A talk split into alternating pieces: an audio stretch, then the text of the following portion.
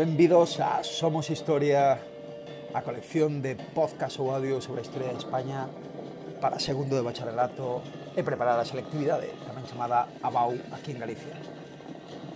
O que estades escoitando é un fragmento da película El Reino de los Cielos e en concreto unha carga de cabaleiría das chamadas cruzadas, guerras por motivos de religión entre cristiáns e musulmáns unha peli chulísima de Ridley Scott que vos aconsello porque sirve para entender todo este período. Baixamos volume, aí vos deixo esa referencia ao cine, e enganchamos con esta película o seguinte eh, título que nos toca que Os musulmáns na Península Ibérica, pregunta número 5, xa en Historia Medieval, no bloque de Historia Medieval, Os musulmáns na Península Ibérica, etapas políticas e realidade socioeconómica. Esos son os dous pilares polos que temos que pasar para explicar esos 800 anos aproximadamente que os musulmáns permaneceron na península. E rematábamos o tema anterior dicindo que eh, no 711 os visigodos, esa monarquía visigoda que ocupaba prácticamente toda a península ibérica a excepción dos vascóns, os visigodos estaban enfrontados polo trono coa nobreza dividida en dous bandos. Por unha parte estaba o bando de nobres que apoyaban ao rei, ao novo rei, chamado Don Rodrigo. Don Rodrigo era, ao parecer, un antigo duque ou gobernador da provincia visigoda da Bética, no sur da Hispania visigoda. O rei Don Rodrigo se atopaba no norte loitando contra os vascóns, intentando dominalos, e mentres os fillos do anterior rei, Vitiza, que vivira, tuvera a súa corte en Tui, eh, aquí en Galicia, eh, os fillos dese antigo rei, Vitiza, que xa morrera, comezan a conspirar para arrebatar a coroa a este rei, don Rodrigo. E para facelo, como non teñen forza suficiente, o que fan é contratar, chamar a tropas bereberes, os bereberes eran unha etnia musulmana, polo tanto seguidores do Islán, unha etnia musulmana que habitaba no norte de África, eh, e a eles lles abren a porta, entre comillas, do estreito de Gibraltar, cuyo nome, ademais, Gibraltar, nace precisamente do general que mandaba estas tropas bereberes. O general se chamaba Tarik, e Gibraltar deriva dun término en, en, en árabe que contén a palabra Tarik tamén, vale? Entón, se lles abre a porta de Gibraltar a estes bereberes para que loiten contra o rei Don Rodrigo e axuden a, aos fillos de Vitiza a destronalo. Esa primeira batalla que hai no ano 711 entre bereberes eh, visigodos e a batalla do río Guadalete. E esa batalla remata coa victoria musulmana tanto sobre uns como sobre outros, é dicir, sobre ambos partidarios dos visigodos. E con esa vitoria se inicia a conquista inmediata da Península Ibérica por parte destes musulmáns, que atopan un uh, territorio escasamente vertebrado, eh, sobre o que os visigodos teñen unha autoridade moi débil, é donde os nobres visigodos se atopan moi enfrontados entre sí. Así que a conquista musulmana da península ibérica, a diferenza do que lle pasou aos romanos, que tardaron 200 anos en conquistala, se vai a dar prácticamente en dous anos solo en dous anos, algúns historiadores o levan a oito, nove, en todo caso menos de dez. En menos de dez anos os musulmáns teñen baixo o seu dominio toda a península ibérica. Pero van a permanecer aquí case oito séculos, oitocentos anos, ata 1492, cando os reis católicos acaben conquistando o seu último reino, o de Granada. Nestes oito séculos de presenza musulmana na Península Ibérica, que xa temos contextualizados debidamente, é dicir, xa temos explicado como chegan, en que momento fan e por qué, nestes oito séculos de presenza musulmana na Península, que eles van a denominar Al-Ándalus, podemos diferenciar, e aquí entramos no primeiro piar a explicar, no primeiro elemento a explicar do tema, podemos diferenciar cinco etapas políticas, cinco etapas, cinco periodos distintos eh, a nivel político. Entonces vamos a pasar por eles da maneira máis sinxela posible, pero aquí poder resumir pouco a partir do que eu diga, vale? Porque o tedes que explicar ben. Vou ir dando as datas, pero son unha mera referencia, non é necesario explicalas, eu creo que é máis importante explicar simplemente as etapas, nome e en que consistiu, que, que pasou nese momento. A primeira etapa, que é no século VIII, eh, do 711 ao 756, a vamos a chamar Conquista e Emirato Dependente. E o explico. Al-Ándalus, nese momento, é unha provincia, unha vez conquistada, pasa a ser unha provincia do Imperio Musulmán. E o Imperio Musulmán que se extendía desde aquí, desde a Península Ibérica, ata o Oriente Próximo, ata a zona de Siria, Arabia Saudí, pasando por todo o norte de África, vale? ese imperio se chamaba Califato de Damasco. Damasco, na actual Siria, era a súa capital. Repito, unha vez conquistada, Al-Ándalus é unha provincia do imperio ou califato musulmán de Damasco. E depende, polo tanto, deste califato, tanto no político como no religioso. Por iso o título é Emirato Dependente. Vale? Esta é a primeira etapa. Segunda etapa, do 756 ao 929, xa se amplía en tempo. Esta etapa chamamos Emirato de Córdoba, pero xa non dependente, senón independente. Por qué? Porque hai unha serie de disputas polo poder, polo califato, aló en Damasco, aló en Oriente Próximo, na Siria actual, onde estaba a capital de todo o imperio musulmán, hai unha serie de disputas polo poder. Esas disputas enfrontan a dúas familias. A familia que ten o califato, é dicir, que ocupa o trono, digamos, que, que, que, que manda o imperio, que a familia Omeya, e outra familia que aspira a ocupar o seu posto e que son os abasíes. Vale? Os abasíes se rebelan contra os Omeya, asasinan a toda a familia e tan só un príncipe, un príncipe Abderramán I da familia dos Omeya, logra, con axuda, escapar, atravesa todo o norte de África e logra chegar a Al-Ándalus, en concreto a súa capital, a Córdoba, onde non só atopa refuxio, senón que atopa apoio suficiente para proclamarse emir. De aí ven a palabra emirato, emir, que significa príncipe ou soberano. E ao proclamarse emir, o que fai é independizar políticamente a península ibérica do resto do imperio musulmán. Vale? Por eso falamos de Emirato Independente. Abderramán I, da familia dos Omeya, se proclama emir e independiza al Andalus do califato, polo menos a nivel político, vale? A nivel religioso segue todavía, pero a nivel político se converte non nunha provincia, senón nun estado independente. Vale, esta é a segunda etapa. A terceira etapa vai do ano 929 ao 1031. Veredes que, bueno, pilla aí no cambio de milenio e ocupa un século aproximadamente. Eh, e a vamos a chamar Califato de Córdoba, porque se segue indo un paso máis alá no proceso de independizar este territorio do que é o resto do Imperio Musulmán, Califato de Córdoba. E o vai a iniciar un tal Abderramán III, descendente do anterior, descendente daquele Abderramán que fuxira de Damasco, o inicia Abderramán III ao proclamarse califa. Xa non se proclama emir como anterior, senón que vai un punto máis aló vai todo a lo que pode e se proclama califa, que significa que eres o xefe político, pero tamén o xefe religioso, o xefe do Islán neste territorio. E ao proclamarse califa dos musulmáns, a península se independiza por completo, xa non no político, senón tamén no religioso. Así que Al-Ándalus nese momento pasa a ser un estado de pleno dereito, independente totalmente do resto do mundo musulmán. Vale? Por eso o chamamos Califato de Córdoba. En esta época, eh, Al-Ándalus alcanza o seu maior esplendor. Entón, aquí sería interesante que explicarais dúas cousas. A primeira, que ese esplendor se alcanza no aspecto territorial porque eh, se amplía ao máximo o dominio eh, dos musulmáns en Al-Ándalus e destaca, por exemplo, eh, as racias, racias con doble Z, como pizza, como pizza as racias de eh, un general tamén político que acadou moitísimo poder neste califato de Córdoba que foi Almanzor.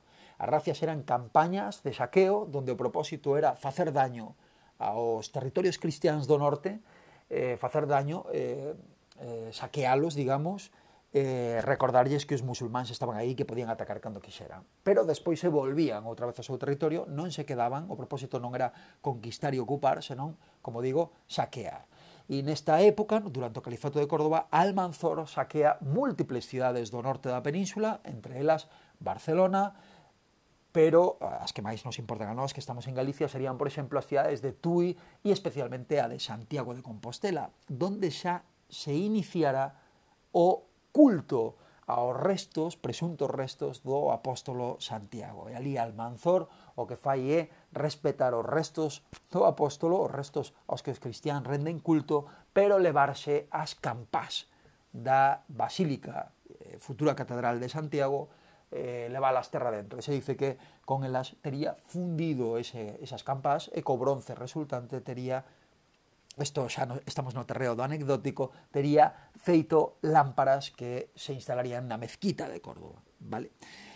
Isto no territorial, pero no económico e no cultural tamén durante esta etapa terceira do Califato de Córdoba é cando se alcanza o maior esplendor. E Córdoba, a capital de Al-Ándalus, se converte entón na cidade máis potente de todo Occidente do todo, de todo o mundo occidental, destacando dúas construccións por encima de calquera outra. A primeira é a Mezquita de Córdoba, xe Mezquita Catedral, porque hai os seus cultos nela, Mezquita de Córdoba, e tamén o palacio ou pazo, en galego, o pazo real eh, do califa que se construe nas aforas de Córdoba e que se chamaba Medina Azahara e do que conservamos moitas ruínas, eso sí, pero conservamos todavía eh, unha parte importante.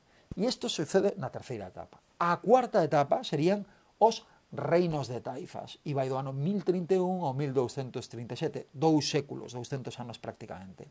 Que sucede aquí? Que en 1031, a partir dese ano, o califato en, a falta dun califa eh, que teña eh, carisma suficiente acaba envolto en múltiples disputas entre eles, entre ese mundo social rico que había aí eh, diferente, acaba envolto en múltiples disputas e se acaba desmembrando pasando o califato a transformarse, se rompe como se fora unha especie de puzzle, e ese poder único, ese estado único, acaba fragmentándose no que chamamos ollo, porque isto é o primeiro concepto a estudiar do tema, no que chamamos reinos de taifas. A palabra taifa significa facción ou bando en, en árabe, e entonces eran reinos pequenos dirixidos por unha persoa, unha especie de, pois pues eso, de rei, de monarca, eh, dirixidos por unha persoa eh, diferente a do reino veciño. Así que reinos de taifas son pequeños reinos que son débiles, que, se, que están enfrontados con reinos veciños e que van a ser incapaces de facer fronte a ataques dos cristiáns, por unha parte, ou de musulmáns chegados do norte de África. Primeiro van a ser os almorávides, os que cheguen e os dominen, os poñan baixo o seu dominio, e despois serán os almohades. Calquera dos tres, cristiáns, almorávides e almohades, son capaces de Eh, chegar e poñer baixo a súa autoridade a algúns reinos de taifas debido a esta debilidade. Vale? Isto sucede na cuarta etapa. Prenda así, hai reinos de taifas que logran eh, eh, ceder, diga, eh, ceder no, perdón, eh, resistir ao, ao, ao, ao avance, ao empuxe dos cristiáns que veñen do norte cara ao sur cada vez conquistando eh, maior territorio, aínda que divididos en distintos reinos, a corona de Castilla, de Aragón, a de Navarra, de Portugal. Eso o contaremos no seguinte, na seguinte pregunta, no seguinte tema. E a quinta e última etapa, vamos rematando, sería a do Reino Nazarí de Granada, a derradeira taifa que houve na Península Ibérica que durou desde 1248 ata 1492 e que se mantivo durante tanto tempo, fixado, son máis de dous séculos, se mantivo durante tanto tempo en parte porque pagaban parias, pagaban impostos aos reis cristiáns para non ser conquistados por eles. Ata que en 1492 unhos reis apodados os reis católicos empeñados en conseguir a unidade religiosa na península ibérica van a acabar conquistando ese reino nazarí de Granada. E aí, en 1492, remata por fin al Andalus, remata a historia deses 800 anos de dominio musulmán. Vale, hasta aquí a primeira gran parte do tema e agora a segunda que é comentar dunha maneira breve a realidade socioeconómica dese eh, período de 800 anos no que os musulmáns ocuparon a península. Eh, tedes que ter... Por que, por que se nos pregunta por isto?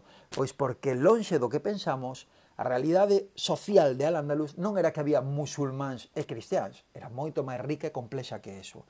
Al-Andalus eh, non, era, non estaba formada por un grupo homoxéneo de poboación, porque os musulmáns, para empezar, tampouco eran.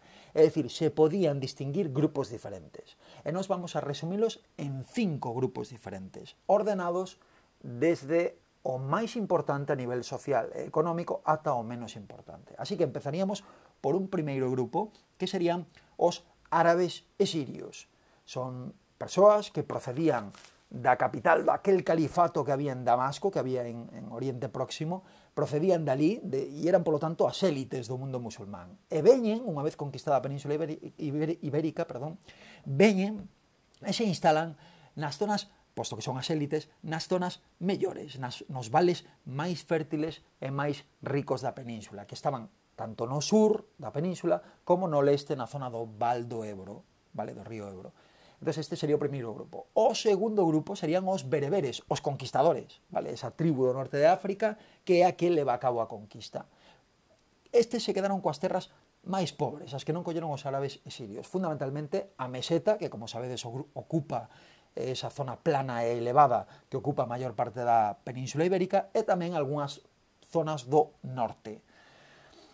O terceiro grupo serían os muladíes, e aquí vamos complicando a cousa, porque os muladíes son os cristiáns que había na península ibérica cando chegan os musulmáns, e que ven, por falta de recursos económicos, ou ben por comodidade, aceptan o novo dominio musulmán e se converten ao Islam.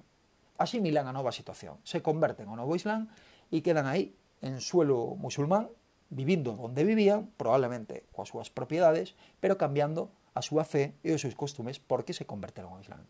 O cuarto grupo van a ser os mozárabes.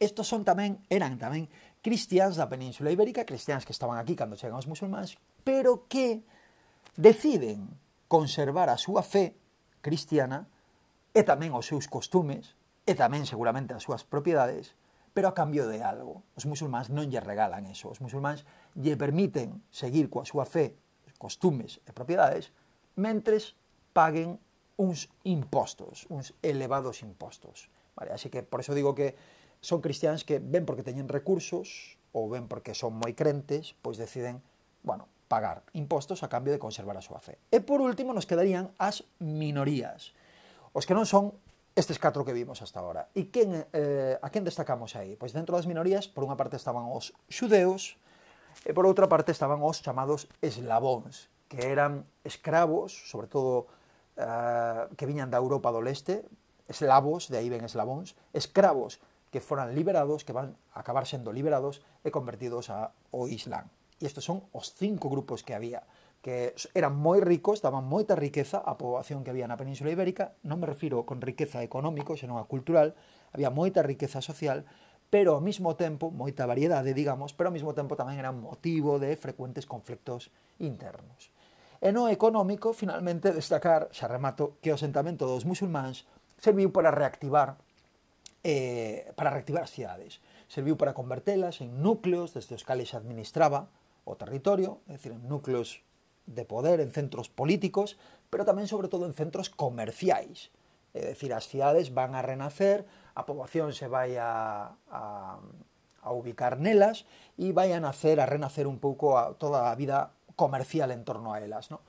Eh, a aumentar a poboación tamén necesitamos dunha agricultura, dunha artesanía que satisfaga as necesidades. E aí vamos, isto nos sirve para comentar eh, que a nivel de agricultura os musulmáns trouxeron técnicas importantes como o regadío, que permitía obter unha variedade enorme de produtos agrícolas, a caña de azucre, as laranxas, ou arroz. Aquí xa non falo de técnica, senón de produtos novos, vale? O sea que a nivel de agricultura, regadío, arroz, caña de azucre ou laranxas son novidades que trouxeron os musulmáns. E a nivel de artesanía, nas cidades comenzaron a frecuentar, a ser frecuentes os talleres de artesáns, as tendas e os zocos, mercados ao aire libre, casi o antecedente das feiras que eh, tiñan lugar nas cidades. E para os intercambios, a moeda, unha emisión de moeda, tanto en prata como en ouro, que facía máis fáciles os intercambios durante estes 800 anos de presencia musulmana na Península Ibérica. E ata aquí espero non terme feito moi pesado, te lo explicado ben, agradable, ameno e que vos axude, como sempre, a preparar a vosa historia de España ou a coñecela mellor. Nada máis, unha aperta moito ánimo, chao chao, nos vemos na seguinte.